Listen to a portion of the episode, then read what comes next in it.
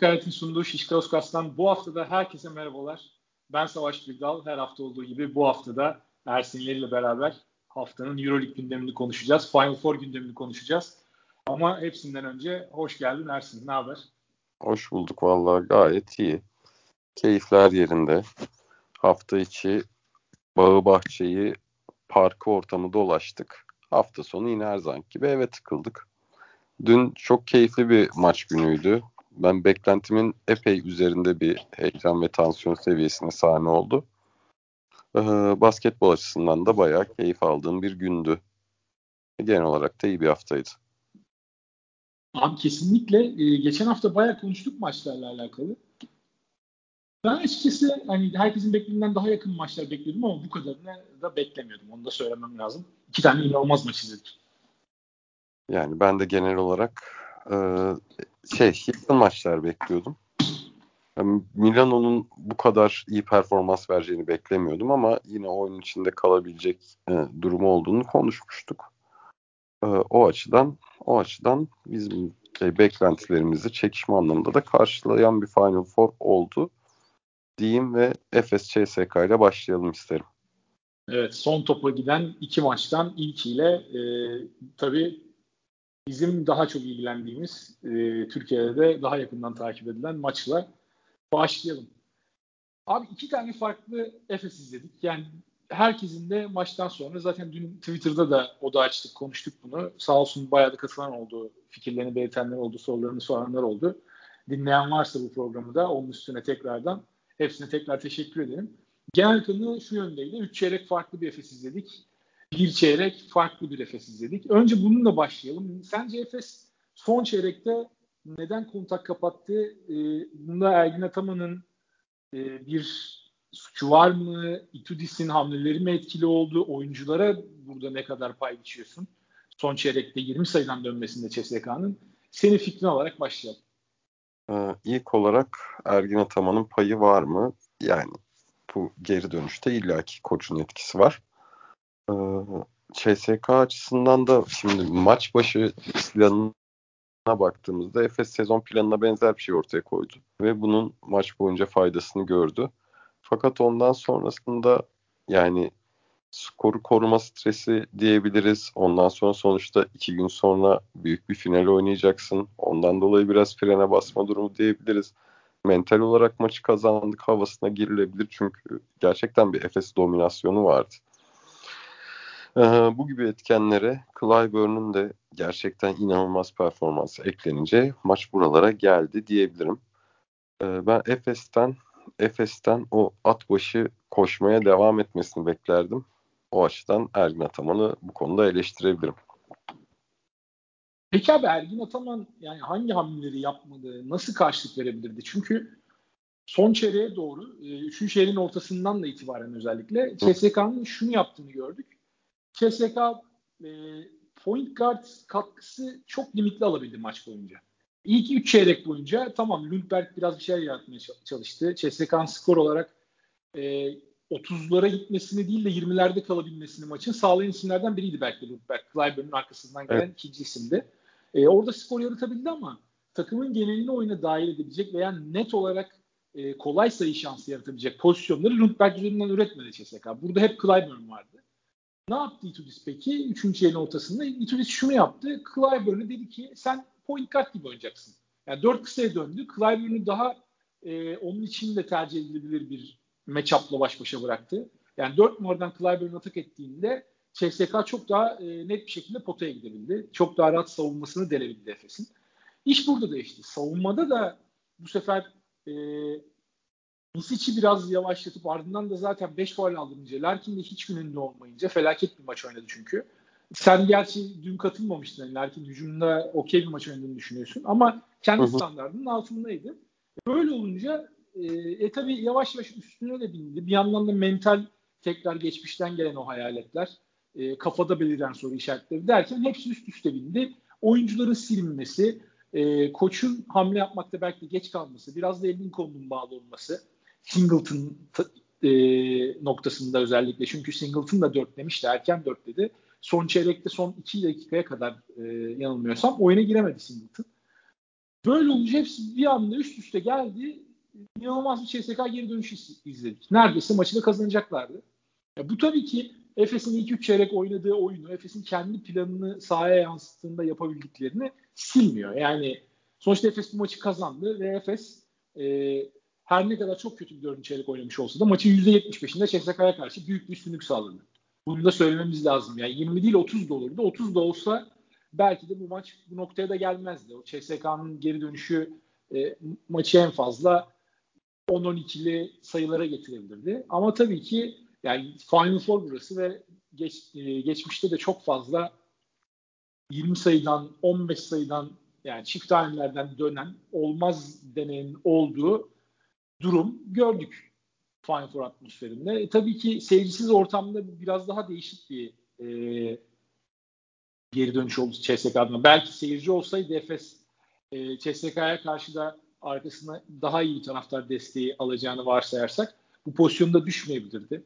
Belki ters etki de olabilirdi. Seyircinin yarattığı bazen kendi takım üstünde yarattığı bir baskı olabiliyor. Belki Efes bundan da e, kötü etkilenebilirdi. Onu da tabii bilmiyoruz.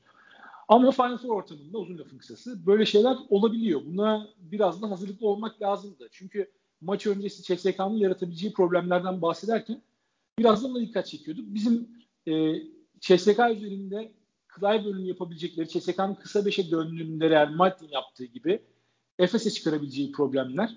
E, bahsettiğimiz bu alt başlıkların birçoğunu aslında maçta görmüş olduk. İlk üç çeyrek görmesek de dördüncü çeyrekte gördük ve 10 dakikalık o kısa da olsa gördüğümüz o sekans maçı bambaşka bir noktaya taşıdı. Yani ilginç bir maç oldu. Benim beklentilerimi de aşan bir maç oldu. Ben CSK'nın problem yaratmasını bekliyordum.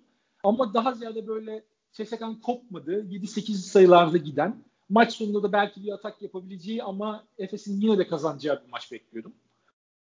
Daha da uçlarda yaşandı hepsi. E, 20'lere 25'lere geldi maç neredeyse. Sonrasında 20 sayıdan dönen bir CSK gördük. Yani e, gerçekten çok beklentilerimi aşan bir maç oldu. İkinci maç için de aynısını söyleyeceğim. Oraya geldiğimizde konuşuruz. Final Four'un hakkını veren bir maç oldu. Onu söylemem lazım. E, tabii ki eleştirebileceğimiz noktalar da var Efes'le alakalı. E, Ergin Ataman'ın hamle zamanlamasıyla alakalı ve maç içinde mesela şey de ilginçti. Bilmiyorum buna katılacak mısın? Sertaç'tan biraz kolay vazgeçti gibi geldi bana. Kesinlikle. Yani sonunda. Yani Real Madrid'e karşı, karşı da aynısı olmuştu. Maçı Itudis'in götürmek istediği yere götürecek şekilde oynadı Ergin Ataman son çeyreği. Ya belki tamam evet kısalan bir e, CSK var sahada. 4 numaraya Clyburn gelmiş. 5'te Voigtman var. Sahayı çok açıyor. Ama hücumda da Efes o kadar hiçbir şey üretemedi ki Sertaç kalsaydı belki de Efes buralara gelmeyecekti. Yani hücumda o tıkanıklığı yaşamayacak. Ne diyorsun? Valla işte CSK dönerken durmadan e, switch'e atak etti. Durmadan bunu yaptı. Başka hiçbir şey yapmadı. Ve bir şekilde de birebirlerde Clyburn'u buralarda buluşturdu ve buradan kolay sayılar üretti. Ee, üçüncü çeyreğin ortasından itibaren dönüş başta şey oldu. Kendini hissettirmeden geldi. O da bir sıkıntı oldu. Hani maç rahat bir tempoda ilerliyor. CSK bir iki şut sokuyor. Efes bir tane boş turnike bırakıyor falan derken böyle 2-2 eridi fark. Ve bir anda CSK maçın içine girdi. Sertaç'tan kolay vazgeçilme durumu var. İşte onun dışında onun dışında bu e, switch'e edilen ataklarda e, bir şekilde cevap verememe durumu oldu. İşte e, bence burada Dunstan'ı bundan dolayı kullanmak istedi. Biraz daha oyuncu her oyuncunun karşısında kalabileceğini düşündüğü için. Yani Sertaç'la devam ederdi ama işte bence burada bunu düşündü. Ee, bu ya biraz açıkçası beklenenden oyun anlamında kolay bir geri dönüş oldu. Ben biliyorsun ben CSK'nın kadro yapısı bu Mike James ve Minutino sonraki sonrasındaki kadro yapısının daha dengeli olduğunu ve e, daha çok ayakta durabilen oyuncuya sahip bir CSK olduğunu bu yüzden de maçın epey zor olduğunu söylüyordum. Ama CSK'nın en büyük tehditlerini Efes maç boyunca domine etti. Yani o yüzden o yüzden o bana şey geldi. Yani Şengelya'nın böyle silik bir performans göstermesi hiç akıl alacak bir şey değildi benim maç önü bakışımda. Ama Efes oralarda dersin iyi çalışmış. Ana planı Real Madrid serisine itibaren düzgün ilerletiyor ama şöyle bir durum var. Şöyle bir durum var. İşte mesela Türkiye'nin 1500 metredeki e, Avrupa şampiyonu Süreyya Ayhan. Sprint atmaya müsait bir yapısı yoktu. Ya da e, arkayı kontrol etme durumu yoktu ve 1500 metrede e, birkaç oyuncunun gösterdiği tarz olan başladığı hızda bitiri tercih ediyordu. Ve e, bu şekilde şampiyonluklara ulaşmıştı o yaşanan skandallar öncesinde. E, Efes'in de Efes'in de bence yani maçlarda çok domine eden e, uzun süreli seriler yakaladığı olmuyor Efes'in. Maça bir şekilde işte dört farkla girip 5. dakikada bir şekilde farkı yine dörder dörder falan açıp devam ediyor ve böyle 20-25 sayılık şeylere ulaşıyor. Ya bu tempoyu devam ettirmek çok zarar verir miydi Efes'e ya da Efes bu tempodan frene basmak için vazgeçtiğinde bir şekilde e, kontağı mı kapatıyor? E, yani tekrar marşa basmakta sıkıntı var. Orası kesin. Yani Barcelona'da Barcelona'da bence eğer maçın içerisinde Efes'in e, bu maça hızlı başlangıcı ve e, seri yakalama durumuna imkan vermezse e, bunu değerlendirebilir. Efes'in frene bastığı anları. Abi şimdi şuna bakıyorum. Play by play'i bir kontrol edeyim dedim tekrar. Sertaç oyundan çıktığında 4.27 var. Yerine James Anderson giriyor. Yani daha kısa bir 5'e dönüyor aynı tamam. Ve 81-73 Efes önde. Son 4 dakika 27 saniyede CSK'nın bulduğu sayı e, ya 15 sayı bulmuş. Pardon 15 sayı diyorum. 86'da evet 13 sayı bulmuş. Hı hı. Yanlış hesaplamıyorsam. 13-8 son 4,5 dakikada bir CSK üstünlüğü var. Yani savunmada yapılan bu hamlenin de aslında çok bir sonuç getirdiğini söyleyemiyoruz. 4,5 dakikada bu kadar bir de sonlarda tempo da düştü iyice. Orada 13 sayılık bir CSK serisi. Belki hücumda işin o noktaya gelmemesini sağlayabilirdi mesela. Sertiç orada oyundan alınması.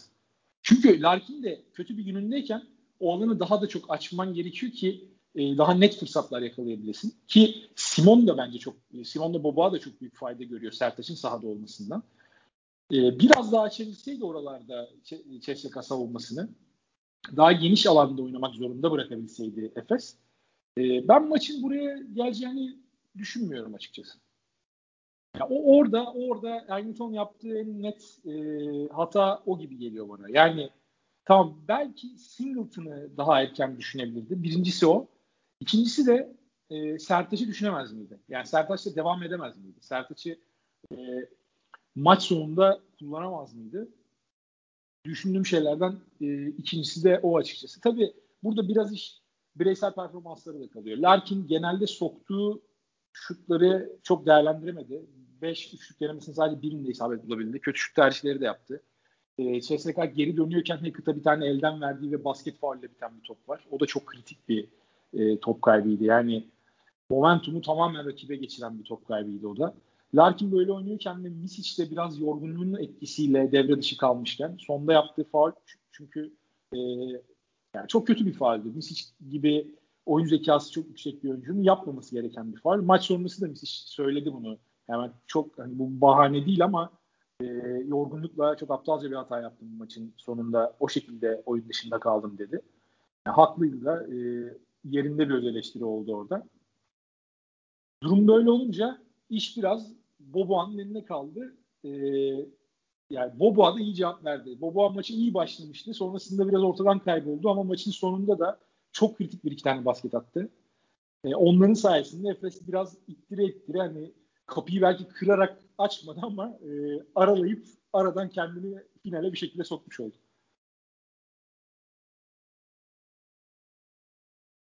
Ee, peki mental olarak Efes'in e, biraz baskı altında kaldığını ve bunun sıkıntısını çektiğini düşünüyor musun? Abi mental olarak e, çok uzun konuşabiliriz bunu. Ama dışarıdan sadece gördüklerimizi biliyoruz. Yani net bir bilgi sahibi hiçbir zaman olamıyoruz bu konularla alakalı. Sonuçta biz televizyondan izleyip yorum yapan insanlarız. O evet. yüzden bana e, yani hem var hem yok gibi böyle ortada bir durumla karşı karşıyaymışız gibi geliyor. Yani tamam bunu söyleyebiliriz.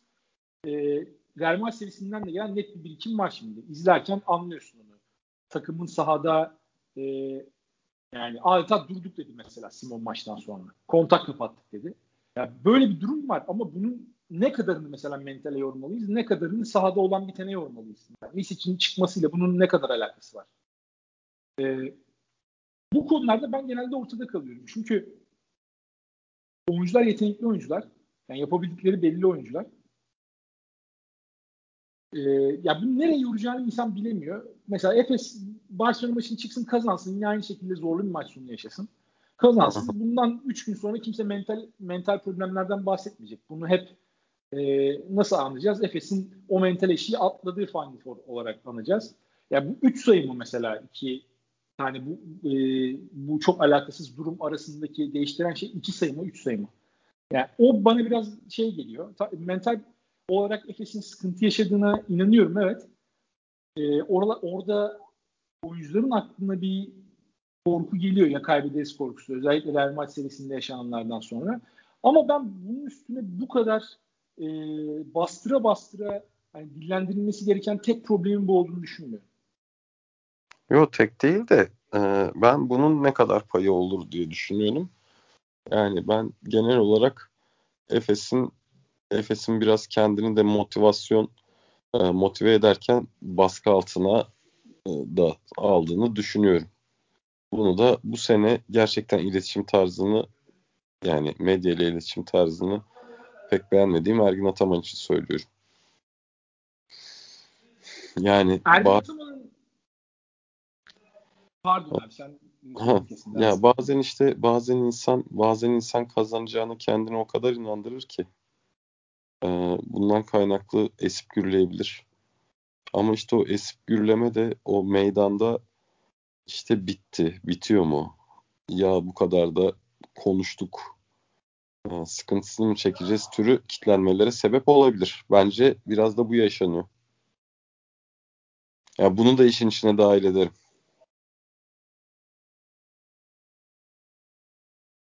Abi Ergin Ataman'ın ama genel olarak e, yönetim tarzı bu, bu gibi gelmiyor mu sana mesela? Bir özgüven var Ergin Ataman'da ve kendine olan bu özgüveni oyunculara aşımı, aşılamaya çalışıyor. 3 sezondur Efes bu takımı işte, kurduğundan beri Efes'in yapmaya çalıştığı şey, Ergin Ataman yapmaya çalıştığı şey aslında bu. Oyuncuları da kendinde olan özgüven seviyesine çıkarmaya çalışıyor. Ya buraya aslında böyle geldiler. Mesela Misic'in geldiği e, andaki oyuncuyla şu an olduğu oyuncu arasında çok büyük fark var ve bunda ben Ergin Ataman'ın çok büyük payı olduğunu düşünüyorum. Ya. için bu kadar yüksek bir özgüvene ulaşıp da böyle bir oyuncu olmasında işin mental tarafında bence Ergin Ataman'ın çok büyük payı var. Ee, orası kesin. Orası kesin ama işte bir de şöyle bir şey var. Ee, yani bunu mesela Efes'in sezon yolculuğunda da konuşabiliriz. Maç özelinde değil. Şimdi Efes'te Ergin Ataman'ın dokunduğu oyuncular. Mitsic, Larkin, Singleton, Simon, Sertaç. Yani bu takım öyle Barcelona gibi ya şu anda e, şu anda mesela en güzel kadrosu deniyor ya şey Efes'e.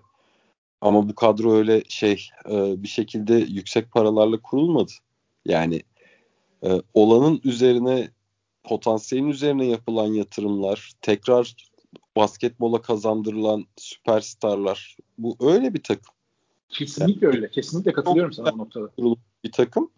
Ama hem mikro coaching anlamında hem bu sene bence iletişim e, yönetimi anlamında Ergin Ataman biraz daha eleştirilmeye layık gözüküyor yani. Eleştirilebilir diyeyim. Eleştirmeye layık ne demek yani.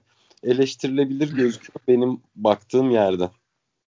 Abi ben katılıyorum ama bu e, yani nasıl diyeyim Ergin Ataman'ın benliğiyle alakalı bir olay. Yani Ergin Ataman'ı takım başına koyuyorsan bunları kabul ederek koyuyorsun bence. Mikro coaching güzel bir tabir. Ergin Ataman'ı getirip koyduğun zaman oraya uzun vadeli bir plan oyunculara o özgürlüğü veren, oyuncuları yükselten ve oyuncuların üzerinden takımı da yükselten bir plan.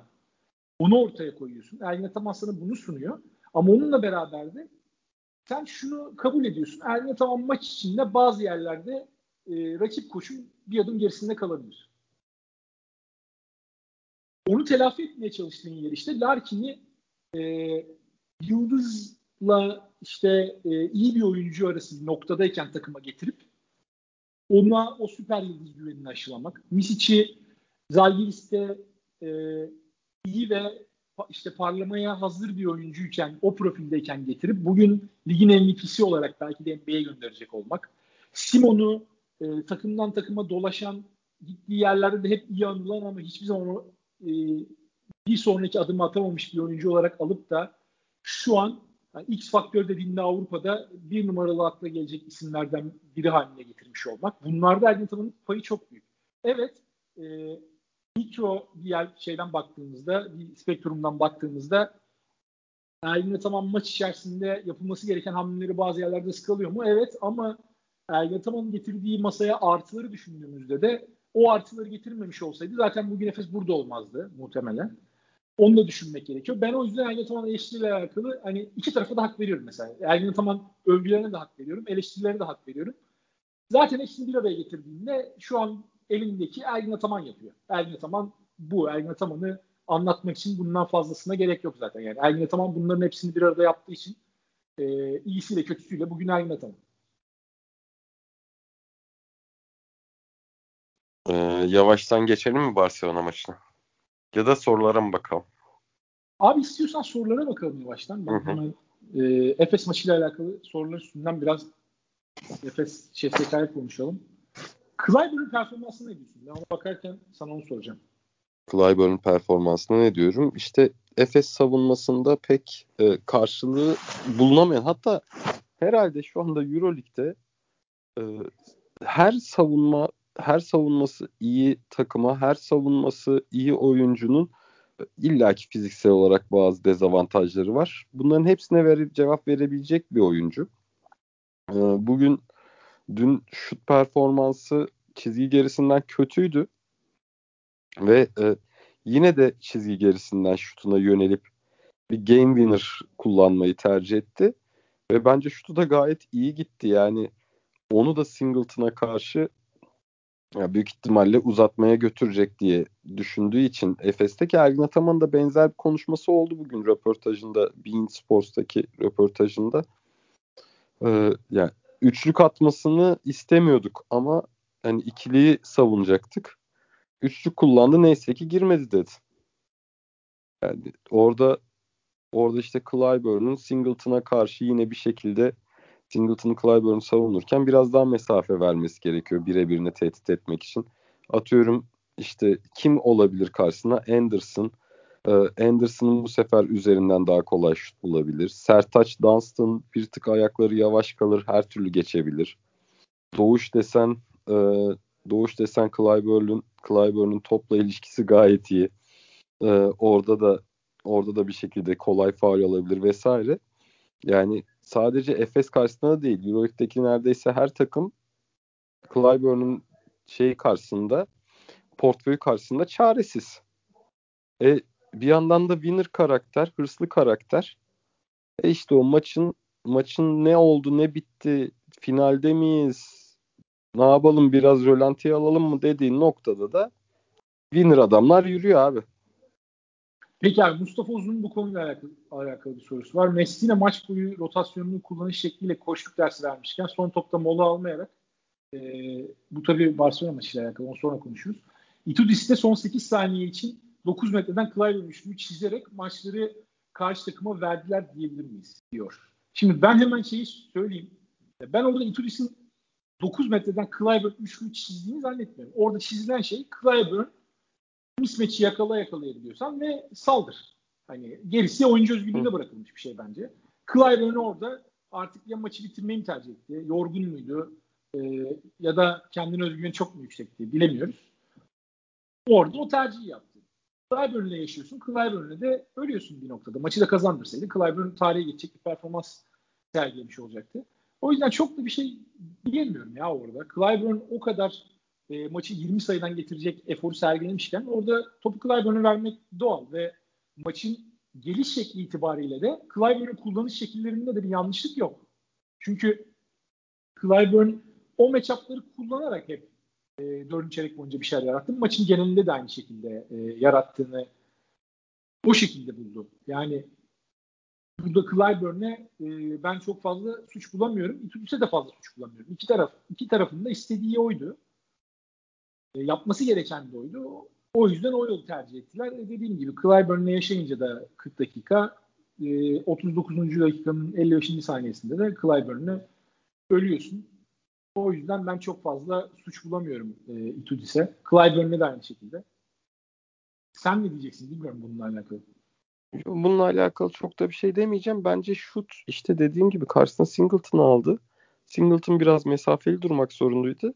Clyburn'de yani e, tekrar Singleton'ın üzerine gidip çünkü orada pas vermesi zor. Zaten pas veren de bir oyuncu da değil. Clyburn asist rakamları korkunç.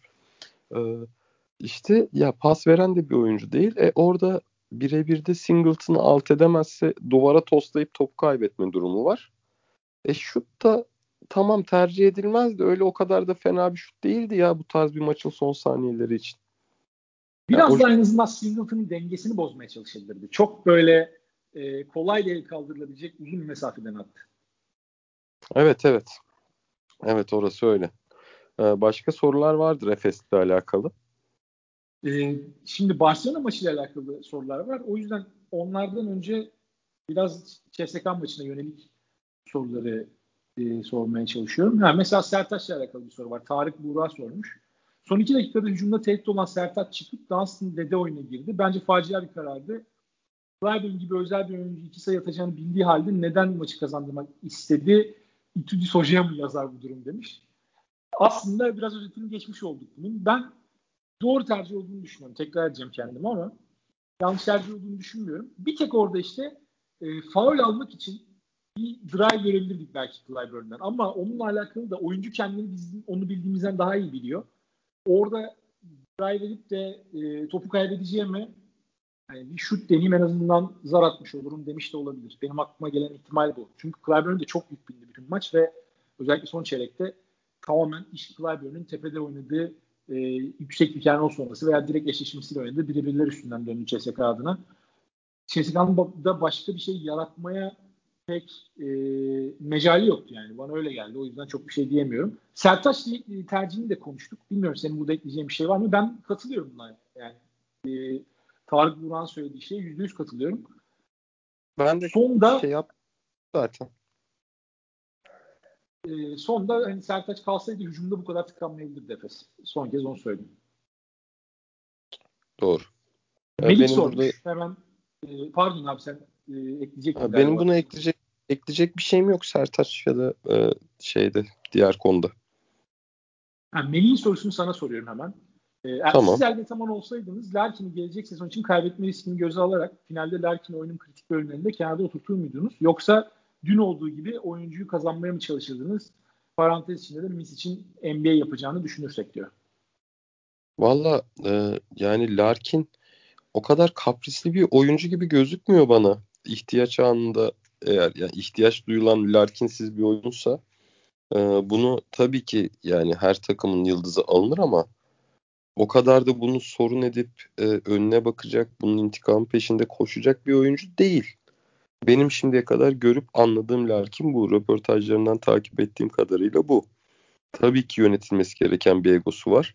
Tabii ki bu ego diğer oyunculara göre daha e, şey e, sarsılmaz.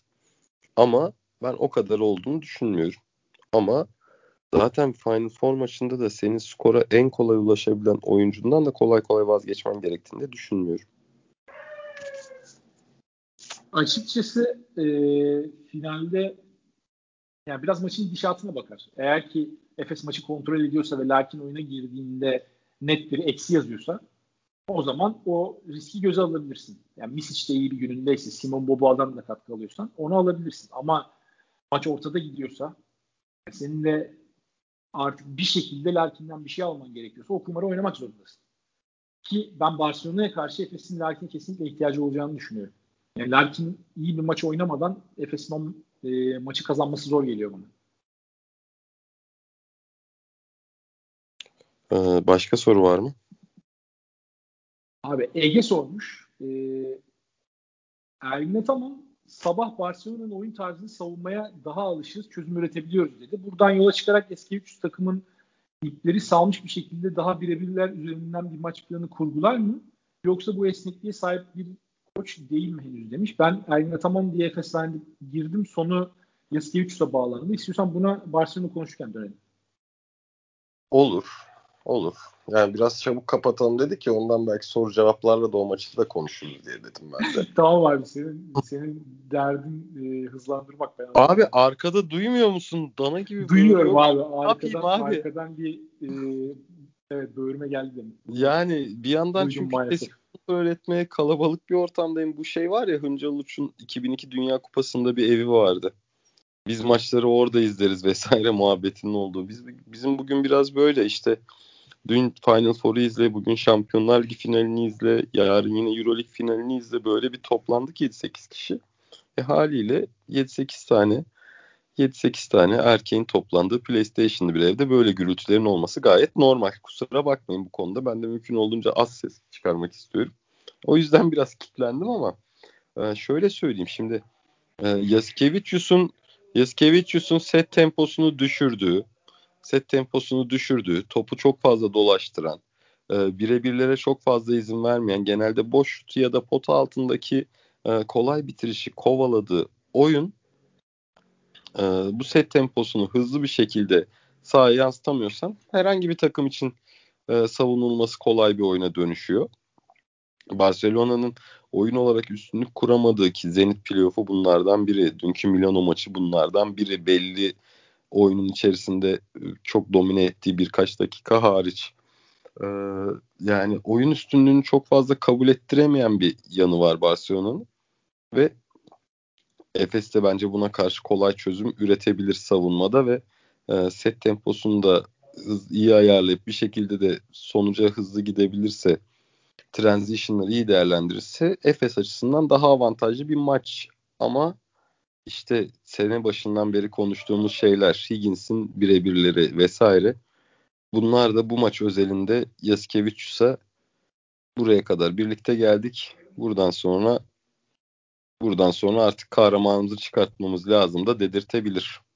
Peki abi Sinan Grat e, nikli bir kullanıcının sorusu var. Larkin gene olmazsa Boboa ve Simon üzerinden hücumlarla Efes Barcelona baskısını aşabilir mi? Aşabilir. Ben daha zor olduğunu düşünüyorum. Yani bu maçta olduğu kadar CSK'ya olduğu gibi Abi, olmayabilir. Ligin en iyi savunma yapan takım olacak karşıda ve e, Larkin'in fark yaratan özellikleri Barcelona savunmasını daha iyi çaresiz bırakıyor. Aynı şeyleri Boba ve Simon için söyleyemem Barcelona karşısında. Hmm, Efes'in maç planı içerisinde Boba'nın ilk çeyrek performansı önemli yer tutmaya başladı. Ya yani bir şekilde bir şekilde skoru Boba'nın eline de veriyorlar ve Boba iyi şey Boba da bitirici rolde bitirici rolde epey formu yüksek. Yani o yüzden o yüzden neden olmasın yani. Ve bu gayet makul. E, Simon bu takımın hücumdaki her zaman güvenilir eli. Ya yani öyle bir durum da var. Yani bunu Larkin'siz e, bunu Larkin'siz başarmak bence gayet kolay şey için. Efes için. Çok zor bir durum değil. Ben de maçın e, belli bölümlerinde Boba ve Simon'un illaki katkı vereceğini düşünüyorum ama ana strateji olarak Efes'in kesinlikle Larkin'e ihtiyacı olduğunu düşünüyorum bir yandan da.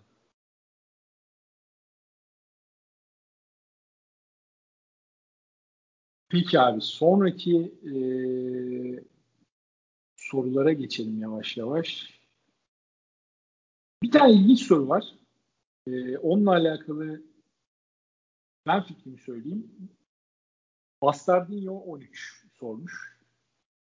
Larkin işler için Miss için MVP olmasını içerlemiş gibi diyor. Motive bir Larkin her zamanki gibi Barcelona'ya patlar mı demiş. Yani Larkin e, Miss için MVP olmasını içerlediğini ben çok zannetmiyorum. Biraz kendi şanssızlığına e, üzülmüş olabilir. Geçen sene sonuçta MVP ödülü verilmiş olsaydı Larkin yüzde yani yüzde yüz ihtimalle o MVP ödülünü alan oyuncu olacaktı. O yüzden geçen sezon bu ödülün verilmemiş olması hem biraz Euroleague'in basiretsizliği hem de Larkin'in şanssızlığı. Bu sezon da ben için o sürpriz bir şekilde MVP ilan edildiği videoyu izleme şansı buldum. Ee, orada verdiği tepki ilk gelen Misic'e işte e, omzunu şöyle bir yoğuran ve ona destek olan ilk oyuncu Larkin yani. Ben o yüzden çok da böyle aralarında şey olduğunu zannetmiyorum. Araları da çok iyi gibi duruyor. E, bunun aksini de iddia edecek bir şey görmedik şu ana kadar. Sağ içindeki uyumları da bence üst seviyede. İkisi de gününde olduğunda. Ee, ilk geldikleri, ilk oynamaya başladıkları günden bu yana, beraber oynamaya başladıkları günden bu yana çok yol kat ettiler. O yüzden ben aralarının hem sağ için sağ dışında iyi olduğunu düşünüyorum. Larkin'in e, kavgası biraz kendiyle. Larkin kötü performans verdiğinde biraz kendine sinirlenen ve kötü tercihlere itebilen kendi kendine sağ içerisinde bir oyuncu. Bu tabii ki e, aslında birçok büyük oyuncunun ortak özelliği. Yani bunu aşabilen büyük oyuncular da daha da büyüyerek e, çok özel bir noktaya gidiyorlar.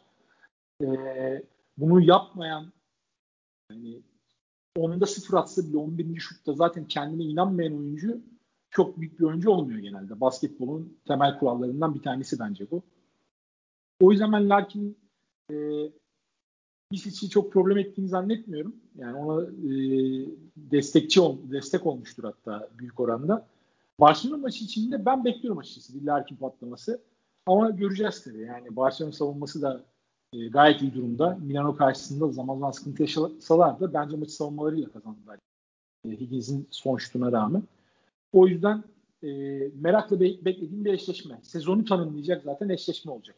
Bu sezonun özetini geç deseler. Erkin İlk başta. Abi işte ben de e, aynı şekilde düşünüyorum. Bakalım bu sefer kim gülecek göreceğiz. Önceki iki seferde Larkin gülmüştü. Ya ee, ben istiyorum. Ee, benim bilmediğim, benim fark etmediğim e, bir Larkin'in çok böyle e, basına yansıyan bir tavrı ya da ne bileyim bir şekilde disiplinsiz ya da e, biraz egolu gösteren durumları oldu mu? Ben Larkin'in bu konuda hiç yani benim hatırladığım bir mevzusu yok. Abi ya, on tuttuğu şey. döneme kadar bir e, atışma didişme vardı ama yani burada mesela Larkin'i kahramanlaştırırken aklımızda, zihnimizde e, biraz farklı bir Larkin yani benim fark etmediğim bir Larkin mi var diye şeye düştüm. E, o, o biraz kafamı kurcaladı yani. Çünkü mesela bir önceki soru yine Larkin hakkında benzer, bu da benzer. Ama benim sahada gördüğüm Larkin tabii ki yine ya ödül MVP ödülüne sahibi olmak ister ama yani olan takım arkadaşı değil ben olmalıydım diye düşünecek ve bundan dolayı da e, sağa sola sıkıp atacak bir oyuncu değil diye düşünüyorum. Bu da benim fikrim. Ben de katılıyorum abi. Larkin'in öyle çok fazla e, problemli bir oyuncu profili yok dışarıdan baktığımızda. Yani bir tek bununla alakalı işte sezon başındaki o sakatlık durumu, ilk geldiği dönemde adapte olamaması falan. Ben şey bunlar bir araya gelince insanlar bir anda acaba problemleri mi var e, şeklinde de yorumlayabiliyor. Hı hı. Ama bunların hiçbiri e, oyuncunun kaprislerinden kaynaklı durumlar değildi bence. Takımda olduğu süre ve e, sağlıklı olduğu dönem boyunca Larkin hep katkı verdi. Ya, o ilk baştaki uyum dönemini atlattıktan sonra Larkin'le alakalı böyle hani takım arkadaşlar işte Mike James'in düştüğü pozisyona ben düştüğünü zannetmiyorum hiç. Ya, öyle bir oyuncu değil Larkin. Peki abi istiyorsan Barcelona'ya geçelim artık. Ee, Barcelona Milano'yu geçti ve e, ya son topta yani biraz da e, mucizevi diyebileceğimiz seviyede e, kaliteli bir son top hamlesiyle geçti. E, zor bir şut attı Shield'ın üstünden. Maç gitti geldi. Üçüncü çeyrekten sonra. Yani ilk yarıyı e, Efes diyorum. E, Barcelona 8 sayıyla kapattı. Sonra üçüncü çeyrekte e, 15 sayılık bir e, dönüş oldu. Yani orada Milano bir noktada 7-8 sayı öne geçmişti. İnanılmaz bir üçüncü çeyrek oynadı Milano. Sonra maç tekrar dengeye geldi üçüncü çeyreğin sonuna doğru. Dördüncü çeyrek ortada gitti. Milano öne geçti. Barcelona öne geçti. Sonda ama maçın kaderini belirleyen yani bir tarafın sokamadığı, öteki tarafında soktuğu zor şutlar oldu. Biraz işler birbirine kaldı. Ee, orada biraz e, kalite son noktayı koydu diyebiliriz. Yani Milano da bu kaliteye sahipti ama Milano oralarda Barcelona savunmasına e, dengesi çok bozulmadan saldırmanın bedelini ödedi bence son şutta. Hingiz'in son şutuyla.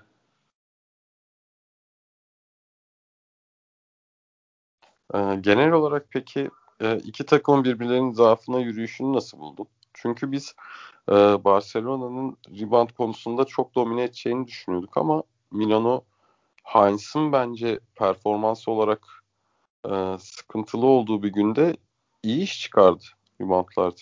Abi senin adamın 3. çeyrekte 4 tane hücum reboundu alıp potaya hiç bakmayarak adeta bir Deniz Radman performansı sergiledi. senin bu sezon Euroleague'deki favori pivotun e, Tarçevski. Gerçekten maçın ama kaderini değiştiren adamlardan bir tanesi oldu yani. Evet. Evet. Ee, peki Milano'nun sen tecrübeli isimlerini nasıl buldun? Ben Heinz'ta yani biraz da aslında Barcelona fiziğine karşı sıkıntı yaşayacağı belliydi. Ice'da sıkıntı gördüm. Datome pek maçın içine giremedi. Hatta bir yerden sonra oyuna giremedi. Bu Milano'nun o son çeyrekteki tıkanmasına tıkanmasında her türlü yönelilmesi gereken bir oyuncu diye düşünüyorum. Bunu bir Messi'nin adına eleştiri eleştirisel e, nokta olarak görebilirim. E, Panther bence değerini birkaç kat katladı şeye rağmen. Sonunda kaçırdığı şuta rağmen. Çok etkileyici bir performans gösterdi. Bir yerde bazı zamanlar Barcelona'ya karşı tek başına savaştı gibi oldu. Valla yani Milano açısından şey yazık Barcelona açısından da bir anda yani maç sonuyla birlikte şampiyonluk şansını 4-5 kat arttıran bir maç oldu. Çok güzel bir bitiriş ya. Çok keyifli bir bitiriş yani. Orada bence Kalates'in durumu da kritik olacak. O da şanssız bir şekilde sakatlandı. Bence kesinlikle ihtiyaçları var Kalates'e Efes karşısında. E ama Milano'nun e, veteranlarıyla alakalı şunu söyleyeyim. Ben mesela Datome tercihini çok doğru buluyorum.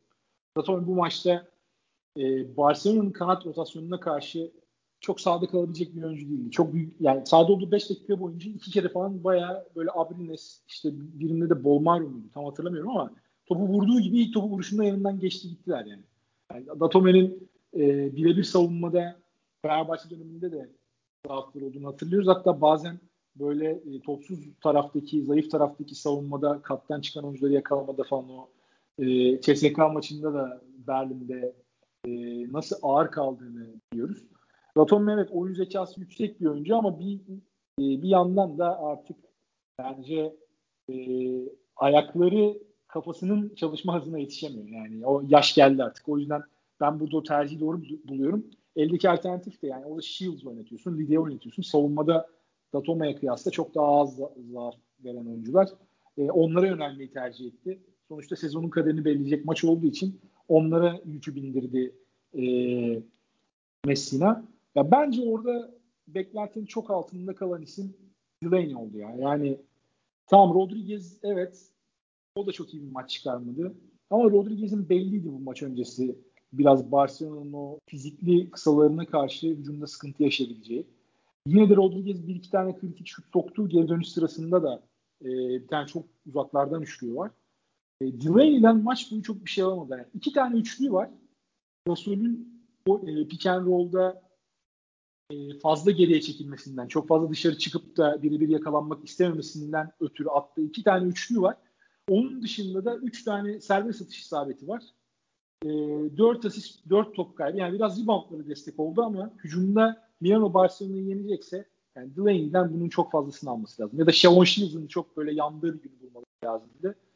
O da olmadı. Panther ikisinin birden e, hücumda çok etkili olamamasını telafi etmeye çalıştı. Tek başına adeta. Yani hücumu o sürükledi resmen.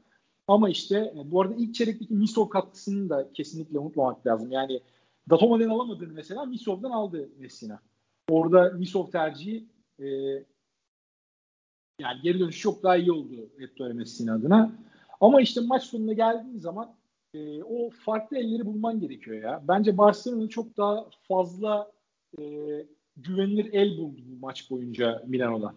Yani tamam belki maç iki sayılı bitti. Bunu söylemek saçma duruyor olabilir ama mesela Bolmar çıktı çok kritik yerde katkı verdi. Gasol'den çok e, hücumda özellikle yani iyi bir bence 10 dakika aldılar. E, Higgins zaten maçı bitiren basket attı. Kuric'ten 3 sayı isabet olamasalar da yine maç boyu önemli bir tehdit aldılar. Mirotic iyi bir maç oynadı.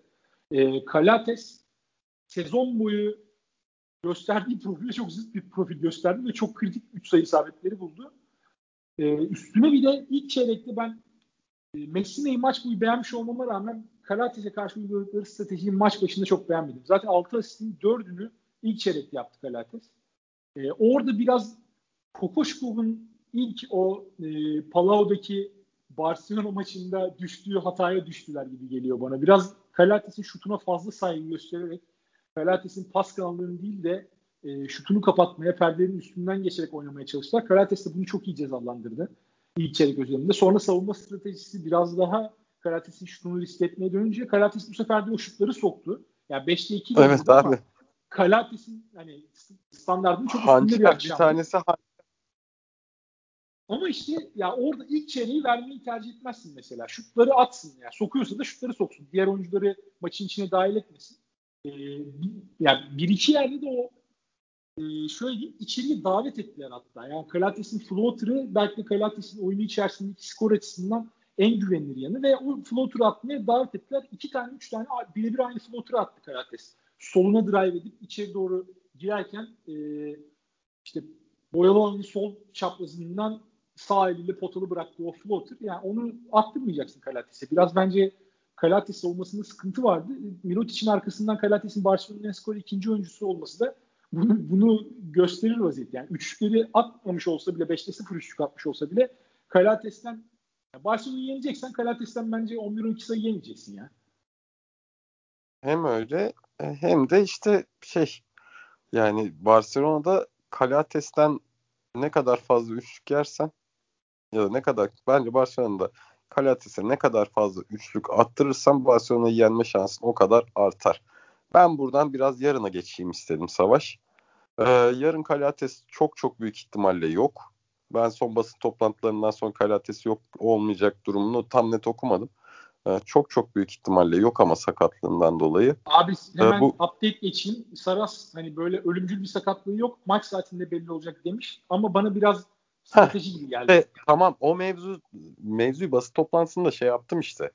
Hani ha, okey o... ben onu şey yaptım zannettim de okey bence de yok yani. Bana blöf yaptı. Şey gelmiyor. Blöf yaptı yani. Kartı açık oynamadı. Oynayacak ya da oynamayacak demedi.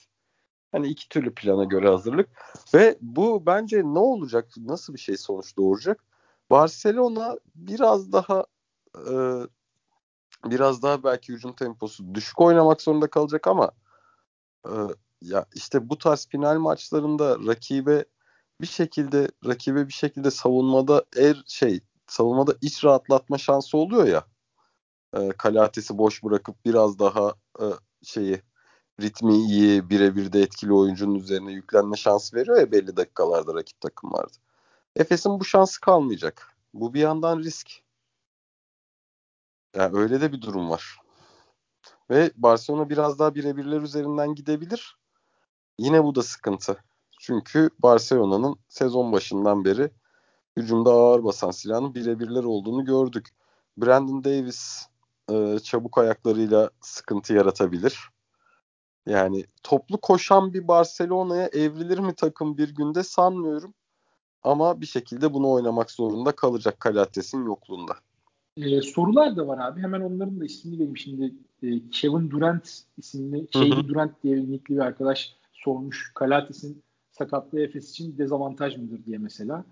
Ee, yine aynı şekilde e, mesela şimdi nasıl okuyacağımı bilemediğim Hattori Afu diye bir e, arkadaş sormuş. Kalates'in muhtemel yokluğu halinde Barcelona'da pick and kim yönetecek? Efes geçiş hücumları e, geçiş hücumlarıyla Barcelona'nın katı defansını kırabilir mi diyor. E, yine bakıyorum aşağılara doğru. Yani Kalates'le alakalı sorular var. Şimdi Kalates konusunda ben kesinlikle dezavantaj olduğuna inanıyorum Barcelona tarafından. Çünkü Kalates'i oradan kaldırdığında tam evet Kalates'in zaafları var. Sezon boyunca ben de çok eleştirdim Kalates'in zaaflarla alakalı ve Barcelona'da doğru fit olmadığını düşündüğüm için e, Barcelona'nın orada belki de farklı bir oyuncuya da ihtiyacı olduğunu savundum. Ama eldeki mevcut kadroya baktığım zaman iki alternatif var. Bir, Bolmaro o da iyi bir maç oynadı Milano karşısında. Hatta Kalates'le beraber oynattı tüm şut zaafına rağmen Saras. Belki de Kalates'in iyi bir şut akşamı geçin, geçiriyor olmasına güvendi. E, ikinci alternatif Pres için çok oralarda kullandı ama Saras'ın son dönemde çok denemediği Adam Hanga. Şimdi orada e, bunlarla yani birinci pick opsiyonu bunlar olduğu bir ortamda Barcelona'nın Efes'in savunmasını delmesi bana çok kolay gelmiyor. E, sıkıntıyı kesinlikle yaşarlar. E, ikinci durumda şimdi tamam büyük ihtimalle Higgins'e dönecek e, orada oklar ve Higgins üstünden oynayacak Barcelona o ikili oyunları. Hatta ikili oyundan e, Efes adam değişirse birebire birebire evrilebilecek oyunlar. Ama işte Higgins de o birebirlerde ya skor üretiyor ya da üretemiyor. Yani öyle bir durum var. Yani takımı işin içine dahil eden bir profilde oyuncu değil Higgins. Şimdi birebirlere dönerse iş sıkıntı olabilir Efes adına dedin sen. Ama iş o birebirlere döndüğünde o birebirleri bulacak adam da önemli. Kalates'in önemli özelliklerinden bir tanesi doğru matchup'ı sağ, sahada bulabilmesi. Mesela Mirotic işte kısayla kaldı, Mirotic'i bulayım. Higgins uzunla kaldı, Higgins'i bulayım. Kalates'in önemli özelliklerinden bir tanesi o. Yani sahada ne olup bittiğini farkında olan bir oyuncu. Ve o birebirleri bulabiliyor. İkinci buradaki sıkıntı da e, savunma tarafı işin. Kalates yani çok fizikli bir oyuncu. Pozisyonu için çok net bir şekilde e, Avrupa'daki en iyi savunmacılardan bir tanesi. Orada Misic savunma konusunda mesela ben Bolmaro'ya Kalates olduğu kadar güvenmem kesinlikle. Barcelona'nın bir sıkıntısı da bu olacak işin savunma tarafında. Belki de Hanga'yı oraya çekmek zorunda kalacak. Misic'in karşısına Hanga'yı koyacak. E, Larkin'e kimi verecekler? Yani Higgins'in mi mesela Larkin'e verecekler? Orada sırasını vermesi gereken zor kararlar var. E, ben kesinlikle Kalates'i arayacaklarını düşünüyorum o yüzden. Ben de ben de Efes'in de Kalates'i arayacağını düşünüyorum yine de. Bunu ekleyeyim yani. Bence iki takım da Kalates'i arayacak. Kalates biraz ilginç bir oyuncu. Yani hangi akşam hangi Kalates'in olacağını bilmiyorsun sahada. Milano maçındaki Kalates'i Barcelona arar. Ama 6'da 0 atacak e, Kalates'i onu Efes arar. Şimdi şöyle de bir durum var abi. Şunu da ekleyeyim. Ee, şimdi Kalates sahada olmayınca Barcelona 5 tane şut tutabilen oyuncuyla sahada kalabilecek mi? Öyle öyle bir kadrosu yok Barcelona'nın. Yani büyük ihtimal Bolmaro sahada olacak. Ve, ya da hangi olacak sahada? Ben bu ikisini de riske ederim. Bolmaro'yu özellikle riske ederim net bir şekilde. E, Barcelona olarak da o zaman diyorsun ki yani bende bir oyuncu olacak sahada. Karşı takım bomboş bırakacak üçlük çizgisinin gerisinden. bu oyuncu Kalates mi olmalı? Bolmaro mu olmalı? E, Kalates olmalı yüzde yüz bence. Bence Bolmaro olmalı ya. Bolmaro diplerden miplerden atıyor. Abi o atıyor da yani Bolmaro'nun bu seviyedeki tecrübesiyle de Kalates'i kıyaslayamam. E, şimdi. tabii. Öyle de bir durum var. Ama ama yetenek anlamında yetenek anlamında bunu baskı altında ne kadar yönetebileceğini bilmiyoruz da yetenek anlamında bunları yapacağına daha güveneceğim oyuncu Bolmaro olur.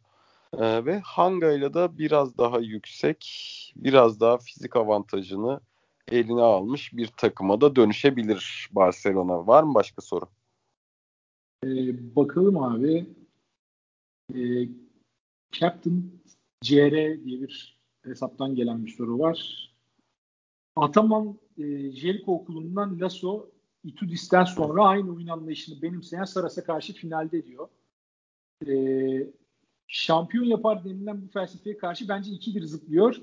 Ben Saras'ın Efes Real CSK maçlarından gerekli dersi çıkaracağını düşünüyorum ve kazanır diyorum sizce demiş. Yani buradan istiyorsan e, tahmine de geçebiliriz finallerle alakalı. Sen finalde e, ne bekliyorsun mesela? Yani kimin kazanacağını değil de nasıl bir eşleşme bekliyorsun? Onunla alakalı istiyorsan ikimiz de kısa bir özet geçelim sonra da kapatırız. Valla finalde finalde Barcelona'nın yine bir şekilde kolay sayıya gitmek isteyeceği, e, fizik avantajını Efes'e karşı kullanmak isteyeceği, pota, potaya daha yakın oynayacağı bir maç bekliyorum. E, top dolaştırmada ne gibi bir sıkıntı çıkarabilir Efes Barcelona'ya? Bunu iki sezondur cayır cayır çıkarıyor. E, yine benzer sıkıntıları çıkarabilir. Çok fazla pas arası kovalayabilir. E, ve bir şekilde de bir şekilde de sahaya biraz daha geniş yayılıp Efes Barcelona'ya çok kolay şut imkanı da vermeyebilir. Efes'in artıları bunlar. Barcelona'ya göre bana kalırsa yarınki maçta bir şekilde kazanma alışkanlığı e, bu seride kazanan taraf Efes. Bunun da mental olarak bir gücü olacaktır. Ama Barcelona'da da yani maliyetleri ve bilinirlikleri ölçüsünde ligin en iyi kadrosu var. Yani bunu da bunu da her zaman elinde bir güç olarak bulunduruyor. Ben de şöyle bir ekleme yapayım. Efes'e daha yakın görüyorum. O da ritim bulma açısından. Ve Efes eğer o işte bu iki ya playoff ve yarı final maçındaki ilk yarı temposunu sahaya yansıtabilirse e, finalin verdiği finalin verdiği enerji ve motivasyonla da bu sefer geriye bakmayacağını düşünüyorum. Efes'in maça nasıl başlayacağı diğer bütün maçlardan daha önemli. Diğer bütün maçlarda bitirdiği önemliydi. Bu maçta başlangıç bence hepsinden daha önemli. Ee, katılıyorum abi ben de sana 3 aşağı 5 yukarı. Ben de Efes'in bir adım önde olduğunu düşünüyorum. Ee, CSK ve Real maçlarından Yasikevicius'un çıkardığı dersleri elinde e, uygulayabileceği tipte bir oyuncu kadrosu var mı? Bundan çok emin değilim. Çünkü CSK ve Real hemen kolaylıkla kısalabilen takımlardı. En büyük darbeyi de Efes'e bu noktada vurdular. Barcelona e, yani Saras'la oynuyorken çok kısaldığını görmedik Barcelona. 5 numarada ya Davis işte e, ya da işte şu sıralar Gasol'ü tercih ediyor. Eğer orada bir sürpriz gelirse mesela işte Oriolo çok iyi bir akşam geçirirse 5 e, numarada onu kullanırsa belki problem yaratabilirler diyeceğim ama o da çok olası gelmiyor bana. Ben eğer ki Saras son dönemde kullandığı oyun tarzıyla ısrar ederse özellikle Kalates olmazsa Efes'in önünde olduğunu düşünüyorum. Yani maçı önde, önde başlayacak taraf bence Efes bir adım da olsa. Ama e, ya Barcelona'daki en büyük sıkıntı şimdi topu dağıtacak o gardın olmaması ve dışarıdan e, Efes'in yarattığı kadar net şutları yaratacak o kısa katkısının gelip gelmeyeceğinin meçhul oluşu. Higgins de tam Milano karşısında son şutu soktu ama iyi bir maç geçirdiğini söyleyemeyiz. Yani dördüncü faulünü aldıktan sonra özellikle zaten e, maçın da dışında kaldı. Burada Efes'in hücum tehdidine karşı da e, Higgins bayağı zorlanacaktır. Savunmada ona çok fazla iş düşecek. Barcelona'nın kesinlikle kanat oyuncularından ekstra katkı alması gereken bir maç. Barcelona'nın ben kolay yaratabileceğini ve skoru kolay koparabileceğini zannetmiyorum. O yüzden maçın içinde kalmak için ya da maçı bir adım taşıyıp da işte e, kontrolü ele alabilmek için Kuric'ten, e, Abrines'ten özellikle Higgins'den kesinlikle net katkı almaları gereken bir maç. E, burada da Abrines'in, yani Kuric iyi bir sezon geçirdi ama Abrines'in ne zaman ne oynayacağını çok bilemiyorsun. E, buralarda net bir katkı alabilecek mi Barcelona? Çok emin değilim. E, Mirotic savunmasında da e, yani Mirotic savunmasında da Efes'e çok büyük e, bir görev düşüyor. Orada Singleton için çok kritik maçlardan bir tanesi olacak. Singleton'dan mutlaka bir şey alması gerekiyor e, Efes'in bu maçta. Singleton'ın da Barcelona maçlarını sevdiğini biliyoruz o aradaki e, geçmişten ötürü. O yüzden Singleton'ın da ben maça çok motive olacağını düşünüyorum. Ama dediğim gibi Barcelona yani 3-4 numaradan Clyburn'un yaptığı gibi veya işte e, Real Madrid Daruba'yı kullanmıştı. Abalde'yi 4'e çekmişti. O tip bir hamle Barcelona'dan gelir mi çok emin değilim. Bence Saras oyun sistemine daha çok inanıyor. Ve Lasso'yla e, Itudis kadar flexible değil. Yani hep mesela bu takımı artık salsa mı diye eleştirmiştin sen de sezon boyunca. Ben Saras'ın çok salacağını zannetmiyorum. Elinde o tarzda hani e, tweener dediğimiz işte 3-4 arası e, ters eşleşme yakaladığında e, kısa beşe döndüğünde çok rakibi deşebilecek oyuncu da yok açıkçası. Yani Mirotic daha ziyade oraları değil, topu yere olarak oynamayı değil de low posta veya dışarıdan e, pick and poplar sonrasında kaldırıp atmayı seven bir oyuncu. Burada bir tane nokta e, teraziyi bozabilecek rebound olabilir. Eğer Barcelona kötü hücum etse bile rebound dengesini kendi lehine çok bozarsa o zaman Efes'in dengesini biraz bozabilir. Orada Brandon Davis'e dikkat etmek gerekiyor. Ama onun dışında ben Efes'in kontrol edebileceğini düşünüyorum bu maçı. Eğer Larkin'den de iyi bir akşam gelirse ben Efes'i önde görüyorum. Efes'in kazanacağını düşünüyorum. Ee, Saras'ın çok e, kendi düzeninden çıkmayacağını öngörü. Ama dediğim gibi yani şimdi Şaras da çok böyle e, şimdi düzeninden çıkmıyor, çıkmayacak diyorum ama ne yapacağı da yani belli olmaz. Onun da e, koşuk geçmişi belli, kariyeri belli şu ana kadar ki. Çok da küçümsemek de istemiyorum. O yüzden oradan da bir sürpriz gelirse yani çok dengeli bir maç. Aradaki fark bence yani, yani şu an mesela bahis e, şeyi bir handikap belirliyor olsam 0.5 koyardım handikapı yani Efes lehine. Hani bu, Efes 0.5 sayıyla favori falan derdim herhalde. O kadar dengeli bir maç. O yüzden Saras da beklenmedik bir hamleyle maçın dengesini değiştirebilir.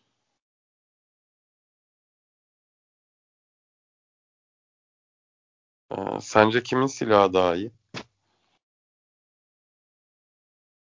Ne açıdan? Ee, yani beklenmedik bir hamleyle dengeyi kim daha çok değiştirebilir? Kimde beklenmedik hamle sunacak repertuar daha fazla?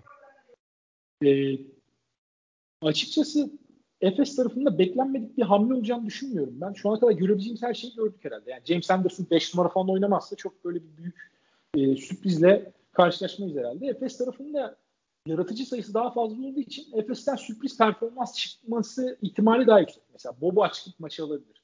Simon çıkıp maçı alabilir atıyorum. James Anderson çıkıp çok kritik bir 15 sayı atar. Maçın yıldızı James Anderson olabilir son çeyrekte. Veya Sertaç yapabilir. Singleton. Moerman son dönemde çok kayıp ama Moerman da Barcelona'yı seviyor aslında. Moerman'dan sürpriz bir performans gelebilir. Barcelona tarafında bence stratejik olarak biraz daha manevra şansı var Çaras'ın. Eğer o stratejik değişiklik gelirse işler Barcelona lehine belki dönebilir. Beklenmeyen stratejik değişiklik. O açıdan biraz bahsediyorum. Barcelona mesela kısalabilir mi? Mirotic'i 5'e çekebilir mi bu maçta? Sertas'ı devre dışı bırakmak için. Bu ilginç bir hamle gibi geliyor bana. Çok görmedik sezon boyu. Evet. Ee, Barcelona'nın pivot rotasyonu geniş olduğu için. Maç içinde de yani çok göreceğimiz, maç içinde de çok göreceğimiz bir şey olmaz ama kullanılabilir. 5 dakika mesela kullanırsa e, ya Barcelona'nın da 20 sayı fark yemeyeceğini düşünürsek CSK gibi. Mesela maç işte dengede gidiyorken bir anda Mirotic'i salar oraya e, Yasikevicius ve o 5 dakikada Barcelona 10-0'lık bir seri yakalarsa ne olur mesela? Orada maçın bütün dengesi değişir. Dördüncü çeyrekte olabilir, üçüncü çeyrekte olabilir. Öyle bir şeyden bahsediyorum yani. E, çok zannetmiyorum yapacağını dediğim gibi.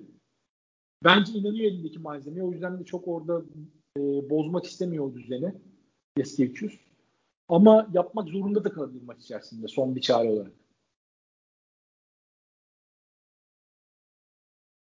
O zaman yavaştan kapatalım. Evet, eklemek istediğin e, bir şey yoksa yavaştan kapatalım abi. Ya, Nail Güllü'den sabah olmadan performansı istemiş. Söyledik daha önce bu şarkıyı başka platformlarda. Ee, Valla var mı eklemek istediğim bir şey? Abi Senin... ben çok yakın bir maç bek- e, bekliyorum yine. Onu söyleyeyim sadece. Hı. Dediğim gibi yani iki takım da birbirine yakın geliyor bana. Çok zıt stillerde olsalar da e, iki takımın da birbirine ters geldiğini düşünüyorum ve dengede gidecek bir maç bekliyorum. E, şöyle diyeyim yani şu tahmin yapacağım. Üç maçı e, yarı finaldeki iki maç ve final maçındaki toplam farka baktığımızda herhalde tarihin en düşük toplam farkla biten Final Four olacak gibi geliyor bana. Olabilir. Güzel bir analiz, güzel bir çıkarım. Tebrik yani yapabileceğim tek tahmin bu olur. İki tarafı da. Efes'i bir adım önünde görüyorum ama iki takımın da kazanmasına bu saatten sonra artık herhalde şaşırmayız. Ben de katılıyorum. Ve bir sonraki programda görüşmek üzere diyorum. E, artık sezonun son programını yapacağız herhalde Final Four'dan sonra. E, ben de son program öncesi herkese keyifli bir final diliyorum ve e, mutlu hafta sonları bir dahaki programda görüşmek üzere. Kendinize çok iyi bakın. Hoşçakalın.